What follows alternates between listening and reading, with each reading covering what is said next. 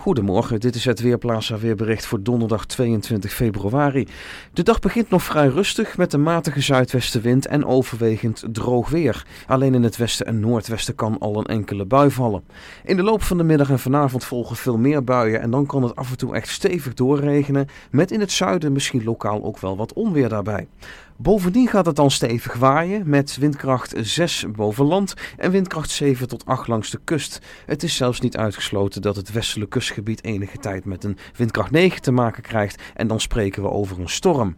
Nou, daarbij zijn zware windstoten mogelijk van zo'n 75 km per uur boven land en 90 tot 100 km per uur in de kustgebieden. Komende nacht neemt de wind alweer af en morgen is het een stuk rustiger. Met weliswaar nog een matige tot krachtige wind, maar we zien ook ruimte voor de zon en verspreid over het land valt er nog een enkele bui.